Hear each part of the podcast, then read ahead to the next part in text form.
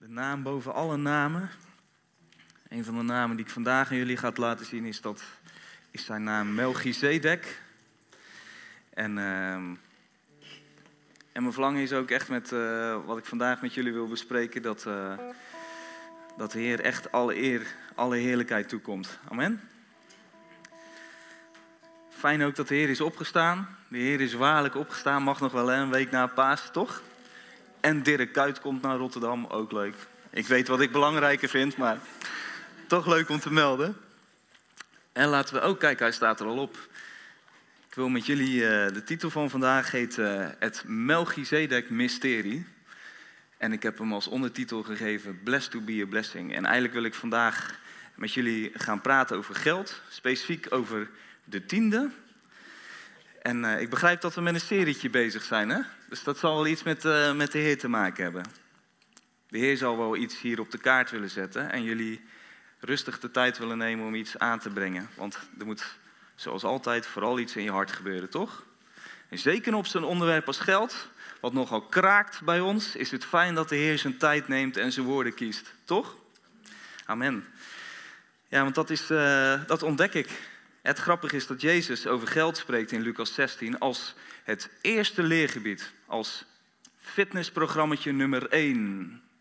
Wil je groeien in je leven met de Heer en de vruchten daarvan zien in je leven, moet je willen groeien in vertrouwen op het gebied van geld. En uh, hij zegt het daar heel bijzonder. Eigenlijk zegt hij van, joh, uh, als je trouw bent in het geringste, moet je even horen hè, dat God zegt, geld is voor mij echt het geringste, het minst belangrijke.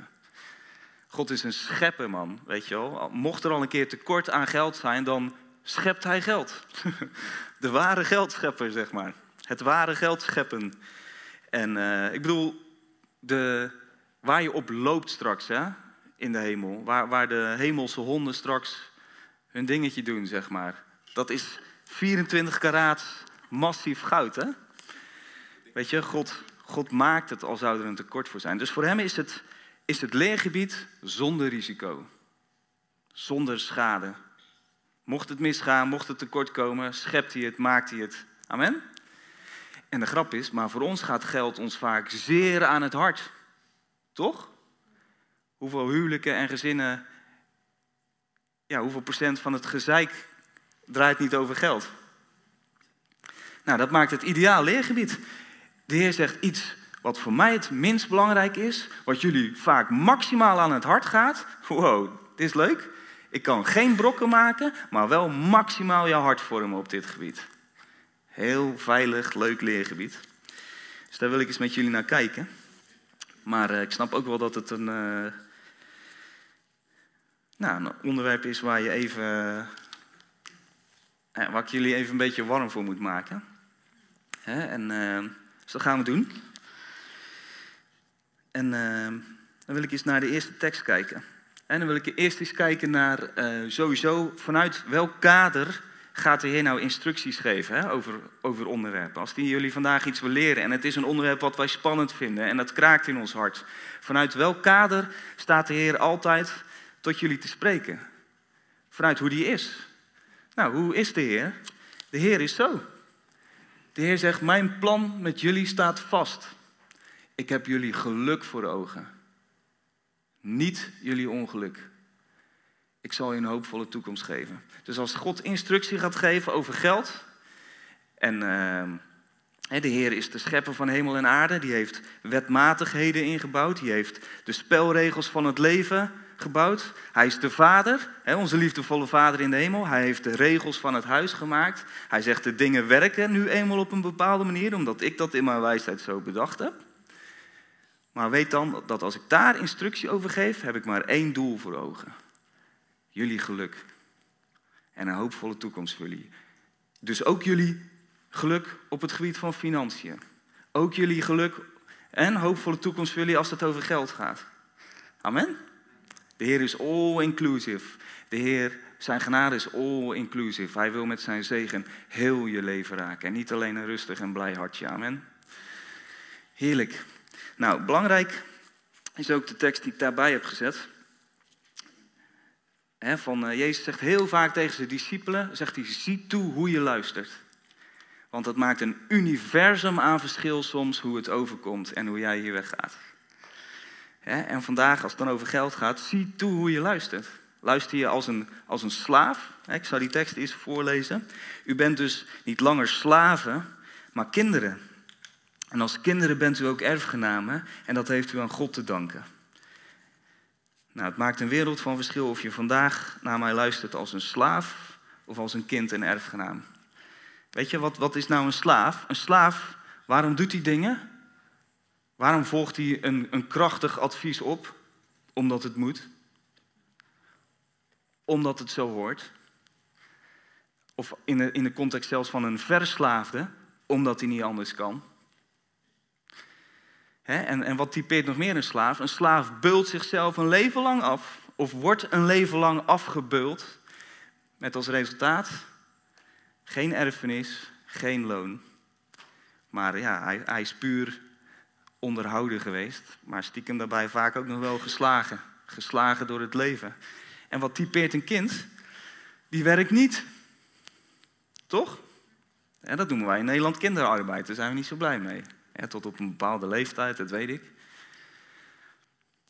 En wat geldt voor een kind? Dat zijn vader, zijn ouders misschien, eh, een leven lang gewerkt heeft en daarna een erfenis achterlaat voor het kind om, uh, om te genieten in zijn verdere leven. Nou, dat heeft Jezus voor ons ook gedaan. Hij die volbracht het werk aan het kruis, bracht het offer van zijn leven en heeft een gigantische erfenis voor ons achtergelaten. En daar gaat het vandaag over. Wij zijn zijn kinderen, zijn erfgenamen. En ga ook vandaag luisteren als een, als een kind en erfgename, niet als een slaaf. Weet je, ik, eh, ik ben niet zo van het wetenschappelijk onderzoek. Uiteindelijk ontdek ik dat alles wat de wetenschap ontdekt, dat heeft de Heer altijd in zijn woorden al in dit, in dit boek gestopt. Amen. We zijn met de wetenschap alleen maar aan het ontdekken wat de Heer al lang weet en waarvan hij een groot deel al opgeschreven heeft, toch? Maar uh, recentelijk heeft de wetenschap ontdekt dat wanneer je out of sync met je hart leeft, dat je daar heel ongelukkig van wordt. Nou, wat bedoel ik met out of sync met je hart leven? Je hart is bedoeld om in het hier en nu te leven. Dat zegt Jezus ook, hè? van uh, maak je niet druk over de dag van morgen. Die heeft wel genoeg aan zichzelf. Weet je wel, leef vandaag met de Heer. Vandaag is er manna. Vandaag uh, biedt de Heer vanuit zijn genade alles wat je nodig hebt om heerlijk, rustig en soepel de dag door te komen. Mits je dan ook vandaag leeft en niet met je, met je hoofd in de problemen van morgen zit. want bijvoorbeeld leven uit spijt is eigenlijk met je hart leven in het verleden, toch? Wat nou als dit niet was gebeurd? Wat nou als dat me niet overkomen was? Wat nou als ik dit niet gezegd had? Als dat me niet was aangedaan? En dan zit je met je hart in het verleden, terwijl je hart bedoeld is om in het hier en nu te leven, en je bent ongelukkig. dat geldt ook over, uh, over leven in zorgen. Wat nou als dat gebeurt? Wat nou als zus gebeurt? Wat nou als die of gene dit doet of dat doet? Wat dan? Wat nou als ik mijn baan kwijtraak? Dan zit je met je hart in de toekomst als je je zorgen maakt. Terwijl je hart door de Heer opgelijnd is om in het hier en nu te leven. Dan ben je gelukkig. Dus dat geldt ook voor slaaf en kind. Een slaaf, iemand met een slavenpet op. Ik moet dingen. Een slaaf doet vaak dingen niet van harte, maar omdat het moet.